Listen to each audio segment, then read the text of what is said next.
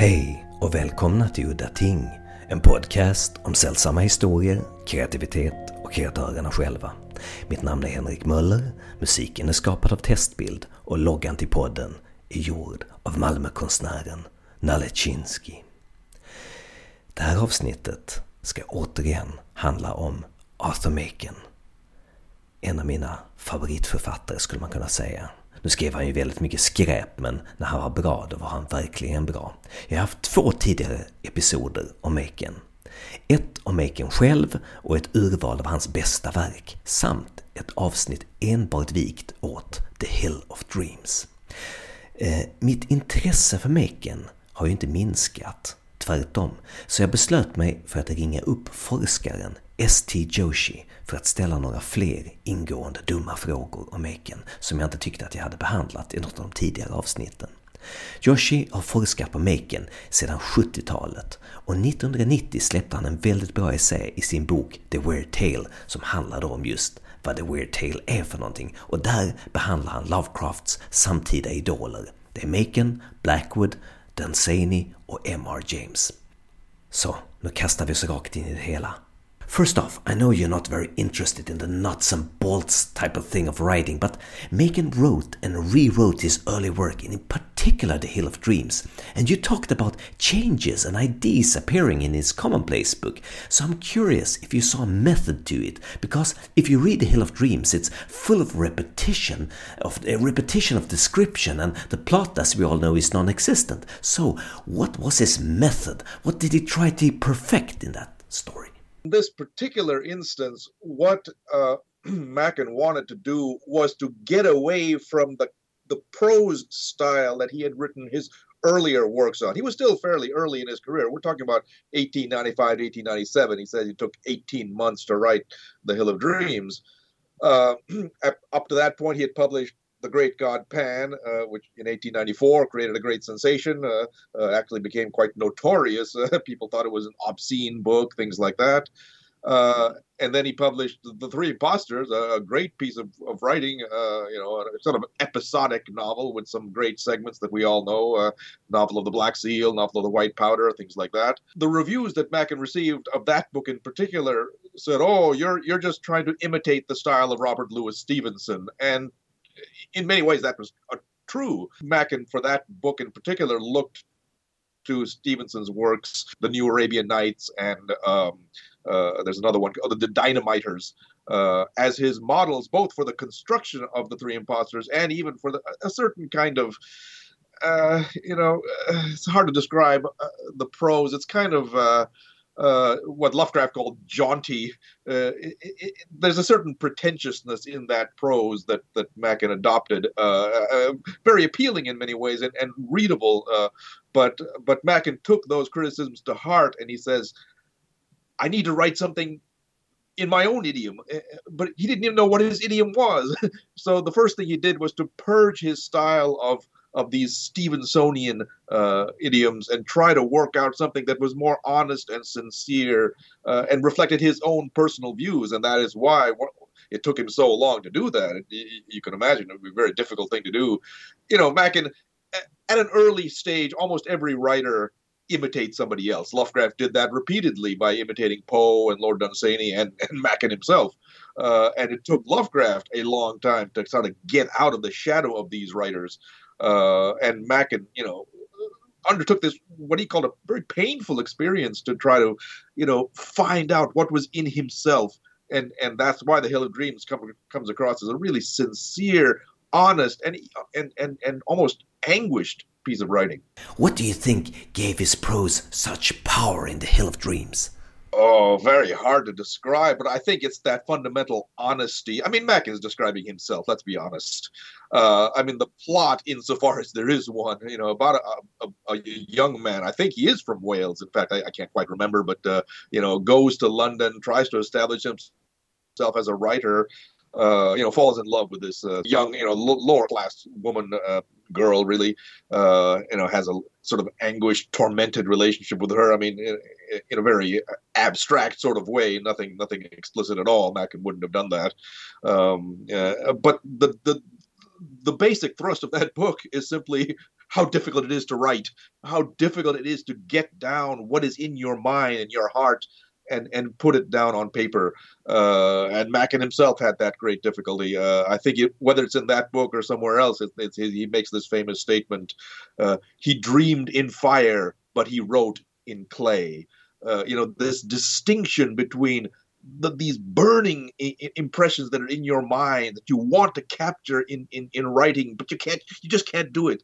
Uh, nevertheless, he did do a great job at it. I mean, you know, because we ourselves as readers don't know what was in his mind. We can't tell what the the root conception was. All we can do is read the words on the page, and to us, they're they are they are you know amazing and, and really powerful and and and uh, you know he really reaches in, into his own heart and tries to convey uh, those those deep sentiments that he was feeling, and he does, to my mind, uh, accomplish it in that in that novel.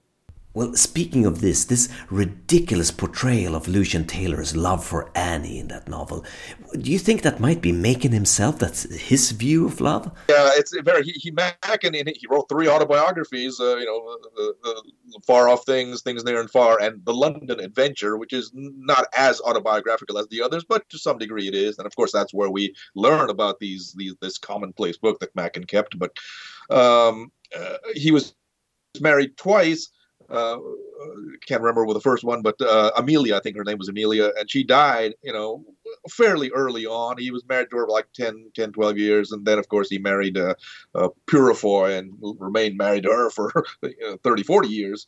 Um, but he says very little about either of those those women, and so he clearly wanted to keep that private. He just didn't want to talk, talk about that thing so nobody really knows, uh, at least I don't, uh, about what the real relationship was between these two women and and, and Machen. But uh, I get the feeling that uh, in the Hill of Dreams, Machen is describing a kind of um, uh, idealized relationship. He it is the relationship that a writer would have. I mean, uh, Lucian Taylor clearly puts Annie on a pedestal. He makes her out to be something that she really isn't.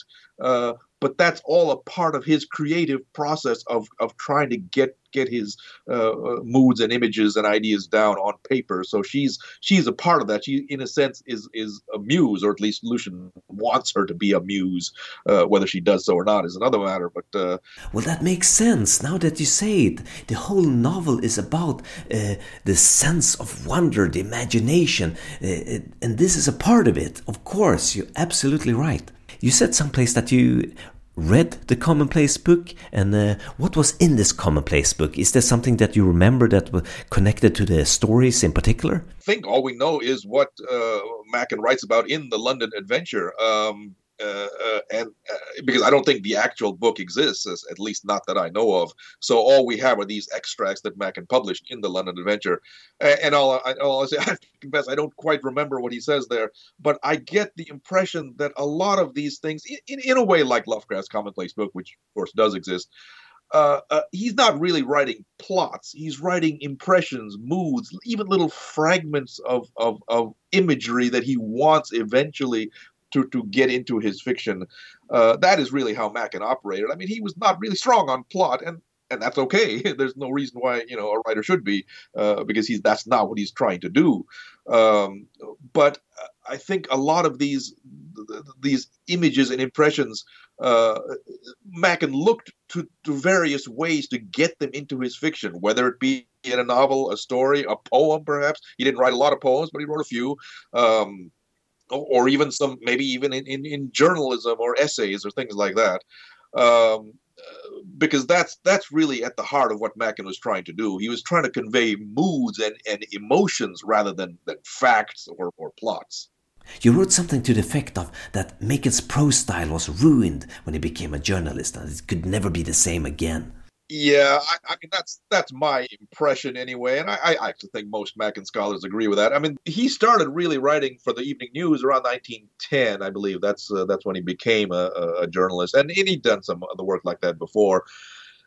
And for the rest of his whole life, really, uh, he devoted a lot more attention to writing essays in magazines or newspapers or you know or, or things like like that than he did writing fiction, because he needed the money I mean, he had run out of his inheritance, his family inheritance from his father, um, really by 1901, um, and that's actually he also had try being an actor this this strange uh, situation where he went to Frank Benson's Shakespeare company to to be a traveling actor. But um, then you know he said, okay, I have to write journalism in order to put food on the table.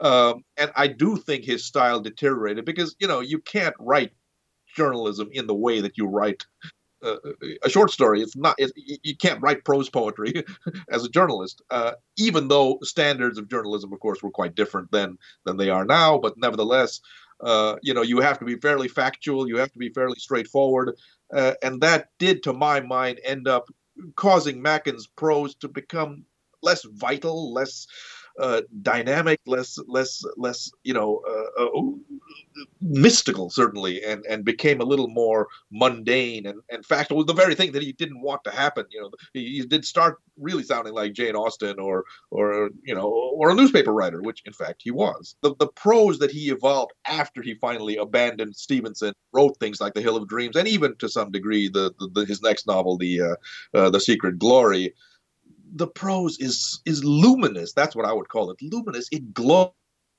It it you know it, it reminds you of that first sentence of the Hill of Dreams. There was a glow in the sky as if great furnace doors were opened. Uh, that kind. It's almost. Uh, he wrote almost a novel length prose poem. I mean, it's very difficult to do that, you know, because it, the prose poem the, is so intense a, a, medium that it's very hard to convey it over the course of a novel, and and and uh, and yet somehow Machen uh, achieves it.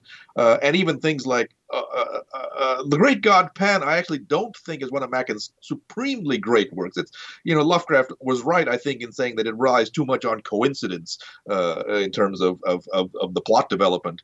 and and again, the prose is that Stevensonian type of prose, which doesn't strike me as being sincere. But then you get to something like the White People, what a what a masterwork that is. I mean, that may in fact be Machen's greatest work of fiction altogether. Uh, I also have great respect for uh, this this uh, short novel or novella called um, uh, "A Fragment of Life." That again, incredibly poignant, and and there is the it's it's sort of the opposite thing of what uh, what uh, happens with Lucian Taylor. Here is a family in London, a, a married couple. Um, and yet they feel the, the pull of, of their own ancestry, particularly the, the, the man, I think his name is Edward Darnell.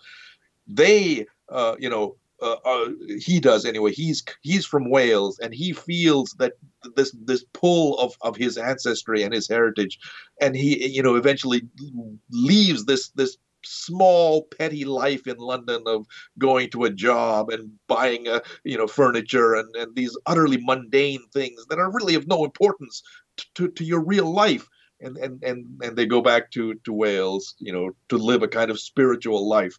I've read a fragment of life many many times, and it, it it's it's such a such an incredible piece of work. Um, the prose is one thing, but the very conception of it, um, you know, it, it begins. Uh, it, as a, as a sort of social satire. In fact, you have to read that in conjunction with his, you know, treatise on aesthetics called Hieroglyphics, where he condemns writers like, you know, Jane Austen and George Eliot and, and Thackeray for writing just basically realistic fiction, uh, you know, that that he thinks uh, uh, is just just touches on the surface of life, uh, the, the, the the you know the the, the day-to-day life and, and events that that uh, you know we we live through uh, that really mean nothing. I don't think he's right about that. I think there's more going on in those writers than he than he thinks there is, but that's that's Machen's view nonetheless. Um, and in at the beginning of a fragment of life, that is exactly what he's doing. He is saying, I'm going to be a Jane Austen, writing about these, you know, very insignificant things about, you know, a guest coming to visit, uh, you know, what kind of, uh, you know, uh, uh, things, you know, for the house, you know, how much they cost, uh, what, how can we get the best bargain for these things? I mean, things that we all live through, of course, that's realistic fiction, if you want to call it that. But to Machen, it meant nothing because it doesn't talk about your inner being, your your your spiritual being. That was what he felt was the real person. All this other stuff was extraneous and superficial. And so, as the novel goes along, uh, this this uh, you know the spiritual starts taking over from the real, uh, and and Edward in particular is drawn farther and farther back, both into the past and to back to his Welsh heritage uh, because he comes to realize that is where I belong. That is how I can express myself as a human being more than in this uh, this tedium of, of life in London. You argue the fact that Machen may not be a weird writer at all, and that that is something that we have imposed on him, a genre that we have imposed on him. The parallel I draw with Machen is with uh, more contemporary writer William Peter Blatty. Both writers were pro- pro- profoundly religious uh, and Catholic, uh, uh, and that's fine. I mean, that's I have no problem with that. But even though I'm an atheist, but I I see the basis of both their works, but Machen in particular, almost as a kind of attempt to convert people. You know, he's not not just writing from a Catholic perspective. He is saying to people in general, look, this is the way things are. This is the truth, and you have to understand it. Um, he was, you know, he was highly opposed to the development of modern modern science, you know, science from the 19th century, because he felt that that science was, let's be blunt about it, explaining too much.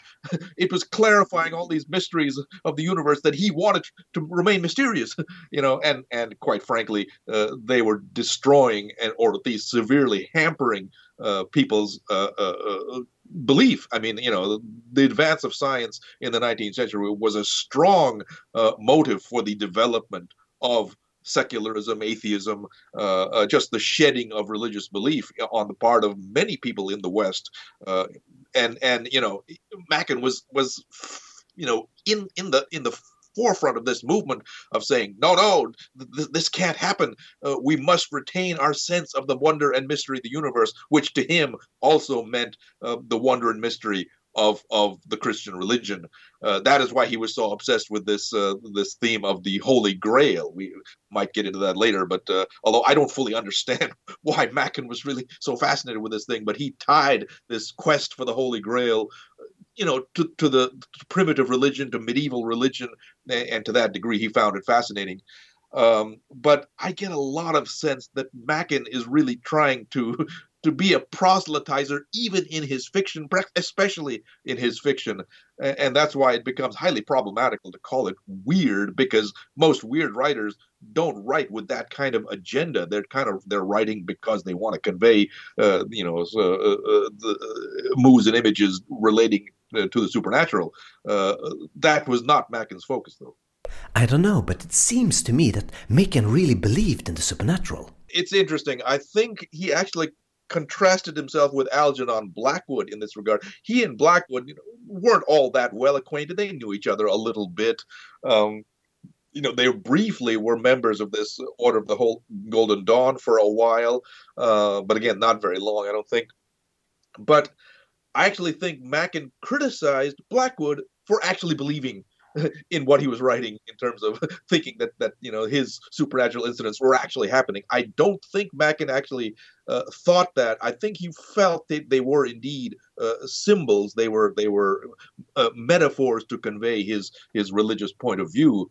Um, uh, but nevertheless, I think he always you know, and and he did a lot of debunking, or at least attempted debunking of of you know myths and and and uh, uh, occultism and things like that. He you know he didn't believe there were things like haunted houses or ghosts, but he always said, well, maybe you know, not 99 out of 100 of these so-called phenomena are are fake or or you know mistaken, but maybe that one there's one that might be true. He wanted to hold out the possibility that that something might be true amidst amidst all this uh, nonsense that people were believing in, in during his day.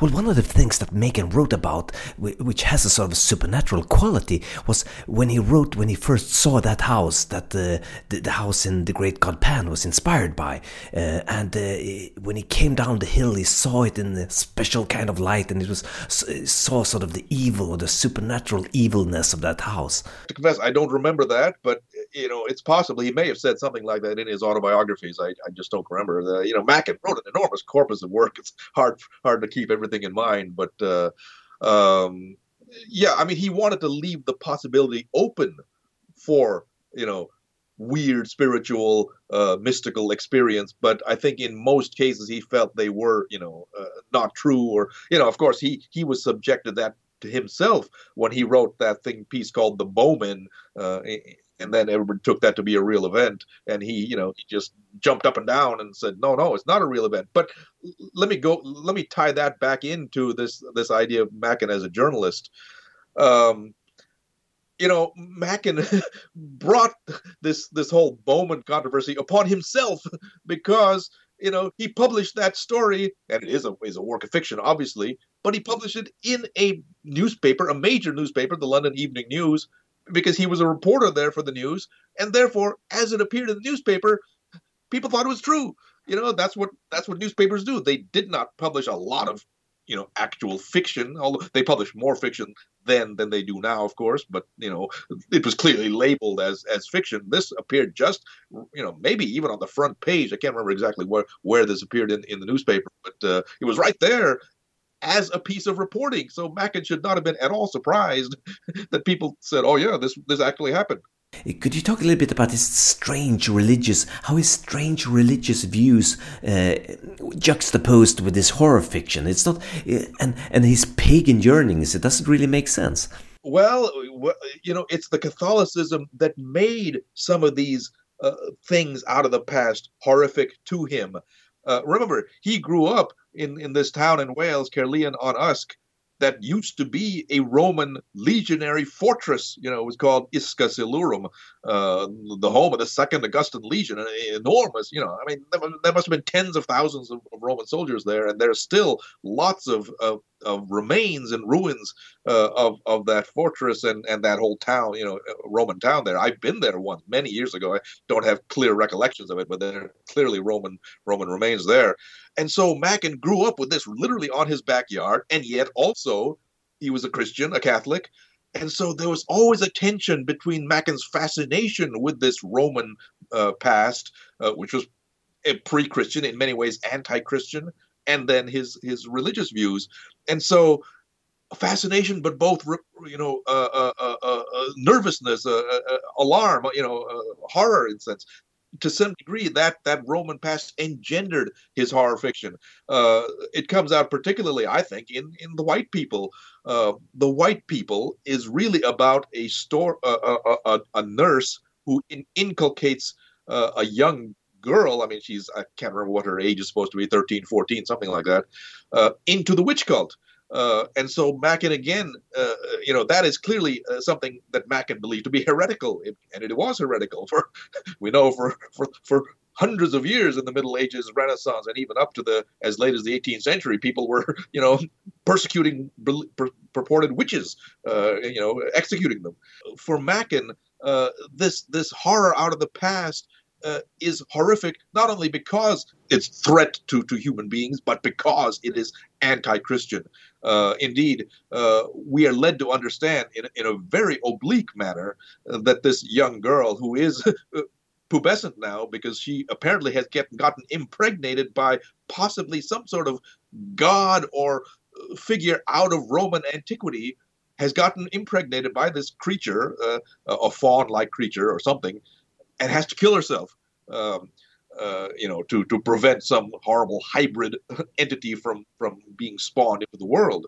Uh, the other aspect of Machen that that ties in with this uh, is his hostility to science. I mentioned that already, and you notice that in the Great God Pan, uh, this this amoral scientist, uh, you know, causes this experiment uh, to happen to this poor servant girl named Mary. You know, he, he uh, you know, he does something to her that allows her to see the god Pan, by which he means that he's mated, that she's mated with with the Pan, and that's uh, led to the birth of this strange woman, Helen Vaughan.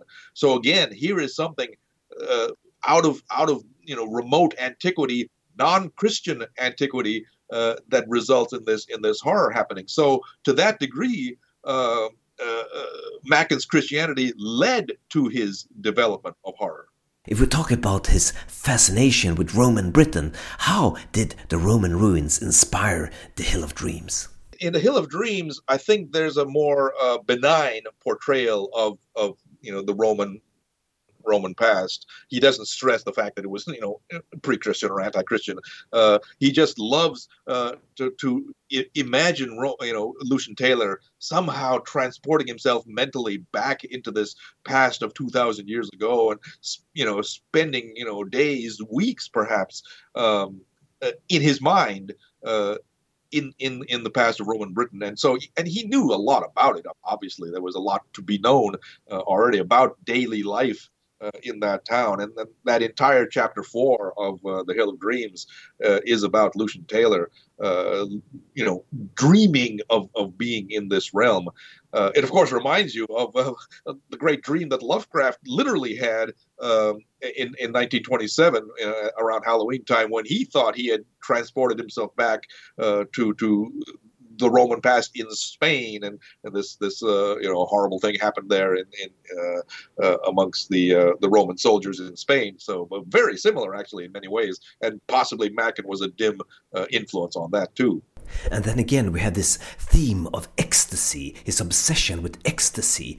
And in your essay on the weird tale on Machen, uh, you write that uh, Machen says a work must contain ecstasy, and uh, which ironically is a term that he uh, finds hard to define, and he sort of defines it with these synonyms: beauty, adoration, wonder, awe, and mystery, sense of the unknown. Yeah, I mean, again, you have to go back to, to hieroglyphics. I, I mean, I have to say, hieroglyphics, fascinating piece of work, but I, I almost agree with almost none of it because Machen has a very limited view of what literature is, what genuine literature is, as opposed to what he calls reading matter, which is, you know, to his mind, a very low level and, and not of any interest. Um, basically, he asserted that uh, literature must have this quality of ecstasy. And, and you know, he himself understands that it's very hard to define it precisely. He says, let's consider it just an escape from normal life. That's basically what it is. Uh, uh, you know, even a literature like, say, Dickens, whom he loved, he loved Charles Dickens's novels. Uh, and those are, you know, to our mind, to some degree, realistic. You know, uh, Oliver Twist and the, the poverty he experiences, things like that. Uh, clearly, a lot of social commentary in Dickens, but Machen at least, felt that in Dickens there was always this sense of something beyond just the daily uh, uh, mundane things that he was describing. Um, and that there was always a sense of, of something beyond life, something you know uh, uh, more more uh, mystical, spiritual, whatever you want to call it. Uh, that's why he loved things like um, Cervantes, Don Quixote. He thought that was a masterwork. Uh, he loved. He went all the way back to um, uh, Rabelais. Uh, you know, uh, Gargantua e Pantagruel, uh, which is funny because that work is actually quite rather obscene at times, uh, quite obscene. Um, you know, and of course, it's it's also funny how Machen, um, although very religious, uh, was a great imbiber. He loved he loved alcohol. I mean, he he didn't drink to excess, of course, but he felt that that there was something in alcohol and drinking that maybe quite literally transported you to another world. Uh, perhaps it does, but uh, uh, who knows? But you know, Machen felt that that you have to, you know, this this robust uh, thirst for life. Uh, you know that that that is what uh, what you know you have to have rather than just you know living day by day and just involved in, in mundane uh, uh, activities. Um, you know, it's an interesting point of view. It's just that I think that Machen uh, didn't see the ecstasy in, in, in the kind of work that that he didn't like. You know, he just said, okay, that's not, you know, uh, it doesn't have that quality, but I think it does, and Machen just didn't see it. Uh, but no matter, uh, it infused his own work to the extent that that you know he sort of did a sort of reversal. I've suggested that before. Whereas the daily events of what are what's happening to his characters are not the real events. The, the real events are what's going on in their minds, in their hearts, in their souls, uh, and and eventually that kind of takes over. Uh, and even his horror fiction obviously has a, an element of ecstasy because um, uh, the perception of something beyond life, the perception of a, uh, of a of a pan that comes out of out of the past, the, uh, things like that. Uh, takes you into another world. It lifts you out of the daily life of, of London society of, of the 1890s and transport you into some other realm, which is maybe horrific, but nonetheless uh, has a certain fascination to it. And I think in Machen's best work, horror and fascination go together, and that's really what causes the, you know, the, is the secret of his uh, uh, uh, of the success of his best work. Could you talk a little bit about what hieroglyphics is? Uh, explain to the listeners. Well, as I say, it basically is a treatise on aesthetics. At least that's how Machen conceived it to be. Um, but he gradually goes from you know literary criticism, you know, talking about uh, Jane Austen and, and Dickens and, and Thackeray and people like that, to a broader scale, uh, basically an attack upon science you know, and, and, and I think Machen fundamentally misunderstood science. What he thought science was was just putting names to things, you know, that, that we just, you know, uh, but not really understanding the fundamentals uh, of of what it's describing. Uh, because he felt those fundamentals were indescribable. Uh, they were they were beyond explanation. And, and if you start out with that premise, well, then that's what you think. That's what you're going to, think science is going to be. Uh, he he because he refused to believe that science could really explain anything. Uh, that it was just you know uh, dealing with the surface aspects of life. And you know I think he was fundamentally wrong about that, but that is that is his view.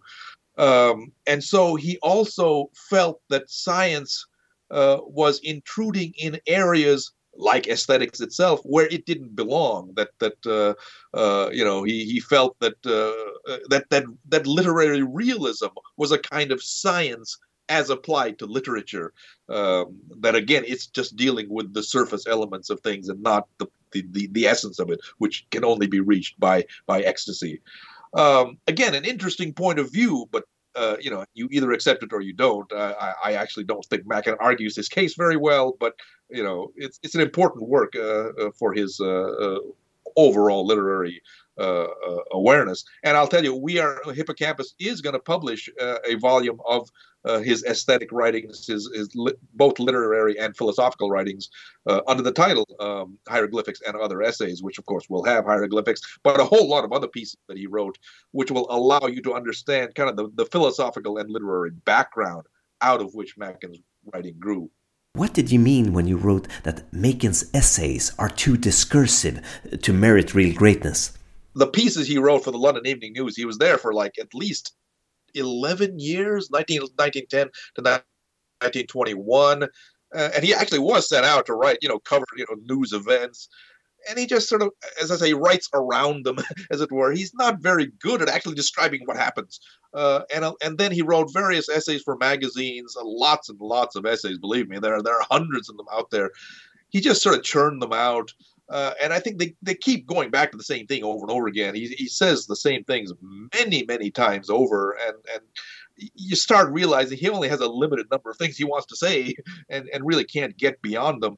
Um, and so, you know, some of them are amusing, some of them are, are actually quite touching, but a great many of them just are very repetitive and don't really address the issue in question. They sort of they sort of dance around it and, and don't don't you know uh, uh, uh, wrestle with with the central theme but again that's what that's what you know uh, magazines and newspapers of that era that's what people they wanted that you know they wanted something that you could read for for 10 minutes and then you know go about your business. Uh, you didn't want something really heavy and, and, and ponderous. So i guess he was fulfilling his duties. I mean he was asked to write these things over and over again. So i guess he was in demand to that degree. But only a very small number of Machen's pieces really amount to anything uh, as as essays Maybe, as you brought it up in the beginning of our conversation, we should mention something about the creation of the Holy Grail novel, The Secret Glory. Severely flawed novel, I have to say, uh, because you know I, have written somewhere that it, it can't decide whether it's this this spiritual quest or just a satire of the English school system. Uh, I will mention that that uh, we're not even sure how how he came to write it in the sense that number of segments of that novel appeared separately in magazines. In fact, the magazine, The Academy, uh, as articles. They didn't actually even appear as as uh, you know a work of fiction as such. Um, uh, and then he eventually stitched these together, apparently to to come up with this novel. Uh, and I should mention that that novel, to make any sense of it, you have to read these two final chapters that didn't get published in the original publication of 1922 because the book had already gotten to be pretty big, and apparently either Machen himself or maybe his publisher decided, look, we can't publish these two two final chapters, which are you know almost half again as long as as uh, the rest of the text. Uh, but and then you know those two now those two chapters only finally were published by by Tartarus Press, I think in the 90s.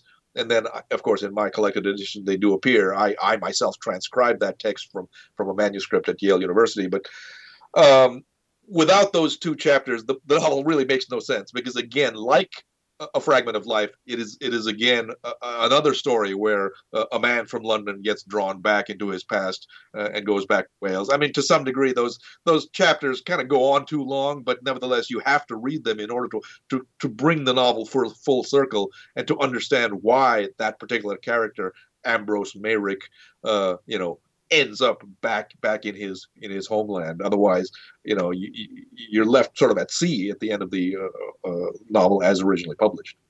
I, I say, I just I don't understand it, uh, and I don't understand Machen's fascination with it. But you know, clearly it meant a lot to him, and uh, it comes up over and over and over again, uh, both in his essays and in his fiction. And you know, uh, anytime something like that that you feel something so deeply it's going to affect your work and, and usually for the better because you know that's the way literary work is is is inspired by something that you feel so profoundly that you have to get it out there and and even though i don't fully understand what he's trying to get at i find these works very compelling in their in their way Lovecraft had his dreams that inspired him, but do we know what inspired Machen? Yeah, we, and I don't think we know very well what really inspired Machen's writing. I mean, his fiction. Um, to some degree, obviously, as I mentioned, this this the religion certainly did. I mean, you take a, a work like um, uh, The Great Return, which is really the, the best and most interesting piece he wrote about the quest for the Holy Grail. And even that piece, by the way, uh, was written in the newspaper, or at least initially published, serialized in the London Evening News, and uh, again, probably taken to be to be factual to some degree. Um, uh, the Terror uh, was published, uh, uh, serialized in, in the London Evening News in 1916, and that clearly was inspired by World War One. Uh, but Machen, you know, there says uh, it's not merely that that I'm writing this as a sort of condemnation of, of the war. he's writing it more as a condemnation of the the the increased materialism of the age that that is what has caused uh, the animals to revolt from from the dominance of man. Um, so some of these stories you can tell have a clear agenda to them you know in Machen's own temperament. But in most cases we really don't know what inspired uh, him to write uh, these pieces. I mean we would love to know how the white people came to be written. What a masterwork it was. But i i haven't a clue how he you know how, how he came up with that idea Finally, I'm talking to you, the great Lovecraft scholar. I just have to ask, what did Lovecraft like in Machen, and what didn't he like, and how did that inspire his fiction? Well, this is that's a big big question. I'll just touch upon a few points here. Uh, it's funny again. Machen, you know, had been known since the 1890s, and you know, Lovecraft was a great devotee of weird fiction. He should have learned about Machen far earlier than he did, but apparently he didn't until about 1923, uh, when his young friend Frank Belknap Long apparently, you know, uh, gave him some some of Machen's books. This was right at the time when the, the U.S. publisher Alfred A. Knopf was starting to reprint Machen's works uh, you know, from the English editions. I think it started in 1922, and a good many works of Machen, you know, 15, 20 works of Machen came out in these uh, very easily recognizable yellow hardcover bindings. I, I have a bunch of them here. Um, and they were widely distributed, and that's that's you know Machen experienced a sort of uh, uh, revival in the United States as a result of that, and became quite popular. Um, uh, you know, Vincent Starrett was also a great proponent of Machen's work and and uh, edited some collections. But so so Lovecraft was indeed blown away by Machen initially by some of these incredible horror horror horror stories that he wrote. Great God Pan certainly, but but White People, which Lovecraft thought was perhaps the second greatest uh, weird tale in, in literature next to Blackwood's The Willows. but he saw a lot of things in Machen that he didn't agree with. In fact, we were talking about that uh, this romance uh, in in the Hill of Dreams uh, with uh, you know, uh, and, and Lovecraft said, "Oh God, I hope Machen isn't like Lucian Taylor in that regard," because Lovecraft, of course.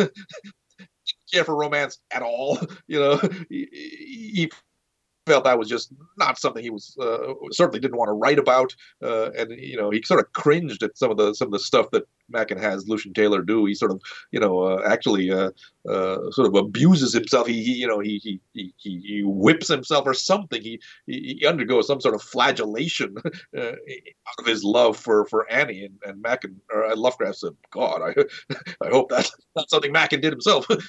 so that that he didn't like, and then later, but and then of course you know he loved the Three Impostors, was greatly influenced by the novel of the Black Seal because that is a pure weird tale, just of the sort that Lovecraft uh, wanted to write and did write. In fact, I am convinced that that is one of the central influences of the Call of Cthulhu because novel of the Black Seal is a prototypical instance of what Lovecraft called in that story the piecing together of dissociated knowledge. All these little bits that that you know Professor Gregg uh, puts together uh, to come up with this realization that this horrible race of creatures as the little people exist, and then of course then they they they take them away or something at the end of the uh, end, end of the story. Uh, exactly what Lovecraft does uh, in, in, the Call of Cthulhu. Uh, you know, and he also said that novel of the White Powder was a strong influence on Cool Air. Um, and so and, and you can trace it in many other ways too. Um, but so Lovecraft, you know, when he came to write supernatural horror and literature, basically started in the, in the winter of 1925. Wrote this effusive piece on Machen, you know, as part of that uh, part of part of the final chapter. Um, but later on, he began to reassess Machen and said, you know, uh, you know, he, you know, Lovecraft as an atheist didn't didn't buy a lot of Machen's, uh, uh, you know, Christian emphasis either. Um, and and as he, you know, went on in, in the 1930s, he wrote a very interesting letter where he says, you know, uh, a lot of what horrifies Machen in terms of sexual irregularities and, and things like that, and, or that are that are you know opposed to Christianity, uh, are just uh, sort of curiosity of of of, of, of uh, intellectual history. You know, uh, people like that don't think that way anymore. Uh, I certainly don't. You know, Lovecraft say, you know, I I, I think of, of sexual irregularities as, as just like you know some sort of uh, you know, very uninteresting disease that somebody has. Uh, it's like like a, like a stub toe or something.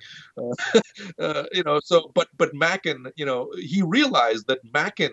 uh, understood these things, which we just think as like social maladjustment, as some sort of cosmic, you know, uh, disturbances of the universe. Uh, and, and, you know, and he recognized that that feeling really did inspire Machen to write the kind of work he did. Again, uh, he he praised the sincerity of Machen's work, that he clearly felt what he was writing.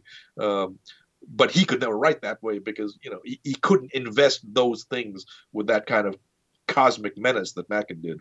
Finally, I'm very fascinated by the dreams of H.P. Lovecraft, and uh, there's a few letters to Barlow where, where, Lovecraft talk talk about his dreams, and he talk about one dream when he was a wizard throwing magic balls out into the sea, and the, the, those magical uh, spheres coming back, and uh, uh, there's another one where he's uh, a medieval soldier hunting a monster in a city with some other soldiers. And uh, is there more dreams like this? Oh, there are quite a few, uh, uh, quite a lot of them, in fact. You know, and, and, even the ones that that you know, some of these dreams have been pulled out of their you know context in letters and actually presented as individual short stories, beginning well with bid the with the very old folk, which was published as the very old folk, uh, which is that great Roman dream that he had. And of course, and then Frank Belknap Long actually used the very text of those of that uh, letter uh, into his own novel, The Horror from the Hills. Um, the story that we now call the evil clergyman is just a letter that was extracted from from uh, uh, that he wrote to uh, Bernard Austin Dwyer. Um, but yeah, the, it seems to me that he had a lot of these dreams right around 19, 20, 21. And I think they may have been caused by the, the turmoil of, of his mother's illness. uh, I, I, that was that was really a stunning uh, development for Lovecraft because you know up to that point I mean, he had lived for 15 years alone with his mother from 1904 to 1919 in quite frankly a pretty unhealthy environment uh, psychologically speaking. Uh, and then all of a sudden you know she had to go to the hospital and ended up staying in you know literally staying in the hospital for the next two years more than two years until she finally died in, in may of 1921 uh, and that the, the turmoil of lovecraft's life you know uh, he was let me let me be honest. I think he was sort of a, an arrested adolescent, um, you know, because he didn't get out into the world. He didn't go to college. He didn't get a job. So to to that degree, temperamentally speaking, he was still kind of a child in some ways. Uh, and then all of a sudden, to have your mother pulled away from you uh, was a very disconcerting and, and alarming experience. And he says that in letters. He said he, he, he was kind of uh, at sea. He didn't know how to deal with it. Uh, and so he wrote weird poems like Despair, which was a, really, really bleak poem. Uh, and he says clearly that was inspired by by all this stuff that was going on in his life. Uh, um, and that's when a lot of these these dreams come out, and understandably so, because you know dreams recycling what's going on in your unconscious. Uh, you know, and that's uh, so they all came out there. Um, but of course, over the course of his life, he still had all these peculiar dreams, and you know, sometimes we know the source of them, sometimes we don't. Um, uh, but uh, you know, I, I, wish I had some of these dreams. I've never had really those kinds of dreams in my life. I would love to have participated or you know, envisioned dreams of that intensity that he had. Has anybody ever collected Lovecraft's dreams from the letters, and so we could read them all together? I co-edited a volume long ago, a slim volume, uh, with Necronomicon Press called the H.P. Lovecraft Dream Book. It's unfortunately long out of print, very hard to get probably now. Uh, but even that probably didn't have a, all the dreams that we have since found, you know, in the in the complete letters that we're just about finished publishing. Uh, it would certainly be an enterprising project for somebody to do to to cull all these passages uh, and and and see what can be made of them. Um, because yeah, I mean, some of them certainly would be very promising to write. You know, uh, if he had written them as stories. Others don't really seem like the kind of stories he would have written in the first place, uh, because you know, again, stuff set in the medieval past. That that's not the kind of story Lovecraft wrote because that doesn't really align with his cosmic perspective. Uh, but nevertheless, I dare say they would, would have been interesting. But uh, and of course, you know, he did record some of these dream fragments uh, in his commonplace book. I mean, the, the, the, the nucleus of the Call of Cthulhu, uh, written in 1926, goes all the way back to 1920 when he had that dream of of fashioning a, a, a, some sort of sculpture in his dreams and then going to a, museum and offering it you know to this museum director uh, you know that that happened all the way back in 1920 uh, that only becomes a relatively small part of the story but nevertheless uh, to my mind that was the sort of the seed out of which the call of Cthulhu grew do we know how many of his stories were based on dreams? Oh, oh, he says that all the time. In fact, he, he claimed that almost every one of his stories was inspired by dreams. I, I think that's probably an exaggeration, but th- there's probably dream imagery, uh, you know, working in there. For example, um, I could swear he says that the inspiration for the rats in the walls was a dream uh, of like wallpaper cracking or something like that. It, it, it, seems so utterly remote from what actually happens in the story, and yet that's what Lovecraft says sort of started him, uh, you know, thinking about that story. Um, you know, it's it's it's a wonder of the of the creative imagination how you go from that uh, to end up writing a story like The Rats in the Wall. It's just you know, it's amazing how how how that happens. Um, he says that story, Kelephais, if that's how you pronounce it, Celephaïs. Uh, he says it's just a tissue of dreams, one after the other. Um, uh, and of course, we, nobody needs to talk about the Randolph story of Stanton or Randolph Carter. Everybody knows that's a literal transcription of a dream. But uh, it would certainly be very interesting to know how many other of these stories uh, uh, were based on dreams. We, you know, sometimes Lovecraft says so, sometimes he doesn't. Um, you know, color out of space? Do we know? I don't think we do. Um, you know, so it's just uh, we know so much about Lovecraft, but sometimes he doesn't quite explain everything that we would like him to explain. So when will the complete Lovecraft letters be available? We are extremely close to completing the the, the, the Lovecraft correspondence uh, uh, set. Um, this year, actually, I'm sorry, I'm already thinking of 2022. 2022, we expect to get out a volume of his letters, uh, at least maybe as many as three volumes. One of which is just a sort of miscellaneous re- letters that that don't fit into other other books, which will also include, by the way, a lot of published letters, uh, some of which haven't been uh, you know distributed all that well. Uh, he published a, a, number of letters that that have only recently come to light, uh, you know, in newspapers, magazines, amateur journals, whatever. Um, but of course, the, the the culmination of this project will be a two-volume edition of the Lovecraft letters to and from Frank Belknap Long.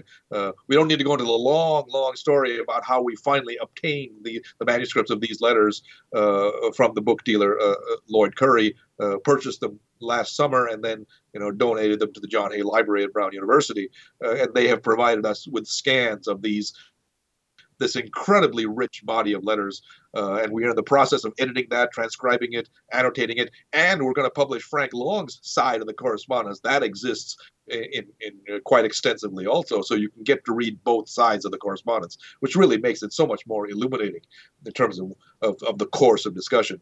Uh, and that'll be it. Uh, you know, the, the complete Lovecraft letters will be there in like 24, 25 volumes. And uh, eventually then we'll make it somehow available electronically. We're not sure how we're going to do that yet, but then you could you could have all the Lovecraft letters in a single uh, database or digital file or something. We, we're not sure how. When you went through these last Lovecraft letters, was there any new information that came to light for you? Oh, it's hard to say. Just a lot of little things get cleared up, you know, that we didn't know before. For example, uh, Sam Moskowitz was one of these promote people who said, "Oh, Lovecraft submitted the call of uh, the color out of space uh, was it? Yeah, color out of space. Uh, first to Weird Tales and then to Amazing Stories. No, no, no, that didn't happen. He he sent it right to Amazing Stories. At least that's been the conjecture. Um, but now we have definitive proof of that. Uh, uh, in a, I think he wrote it in the letter to Clark Ashton Smith. Yeah, he just sent it right as soon as he finished his typescript. Uh, he, he, sent it to Amazing. He did not send it to Weird Tales at all. Uh, because Weird Tales had just rejected you know, the Call of Cthulhu. They, they accepted it later again uh, afterwards, but uh, you know he was he was angry at uh, the editor for rejecting that story, so he didn't even bother to submit uh, the Color, Colorado Space to Farnsworth Wright. and other things like that. I, I, have a feeling that my biography will need to be revised at some point in, in certain, actually, a, a, number of small particulars, because things have gotten firmed up uh, in in many in many little ways, but cumulatively, uh, you know, are fairly important if you if you pick you know consider the whole picture. You know, I I like to think that Necronomicon Press, in some ways, uh, pioneered the emergence of Robert Barlow, R.H. Barlow, as kind of a figure in his own right. Uh, we published his autobiographical uh, essay that he wrote, you know, I, I, can't remember exactly when, 1939, 40, something like that. Uh, we found it on a microfilm of, of, Barlow material that was at the John Hay Library. Um, and of course, and we also, I think, was were one of the first to reprint his story, The Night Ocean, um, which we initially thought was oh, mostly by Lovecraft, and then you know, you know that Lovecraft heavily revised the story. Uh, but later on, we determined that it was actually probably 90% Barlow's work. Uh, and so we we kind of got the ball rolling uh, at Necronomicon Press about R.H. Barlow, and now Hippocampus is on the verge of publishing an immense, vastly expanded edition of, of our, uh, our, collection of Barlow's writings, which we published back in 2002 called Eyes of the God. Now, that book has become vastly expanded. Like it's, it's over 500 pages now because we've found a whole lot more work by Barlow fiction, essays, poetry, uh, a number of other pieces. Uh, and then some pieces about Barlow that, that need to be uh, reprinted.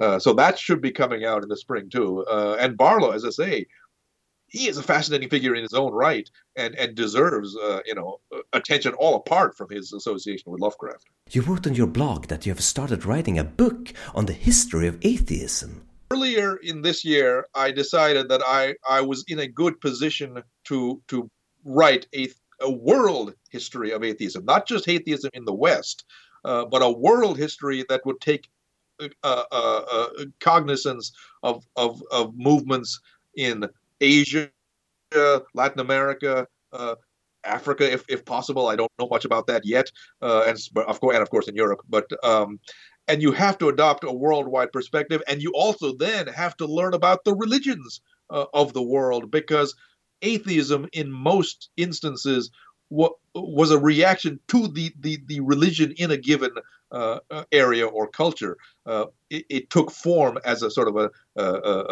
an antidote or, or, or response to the, the prevailing religious culture. So I've had to do a lot of research on on religion as well as on uh, atheism and secularism and, and agnosticism.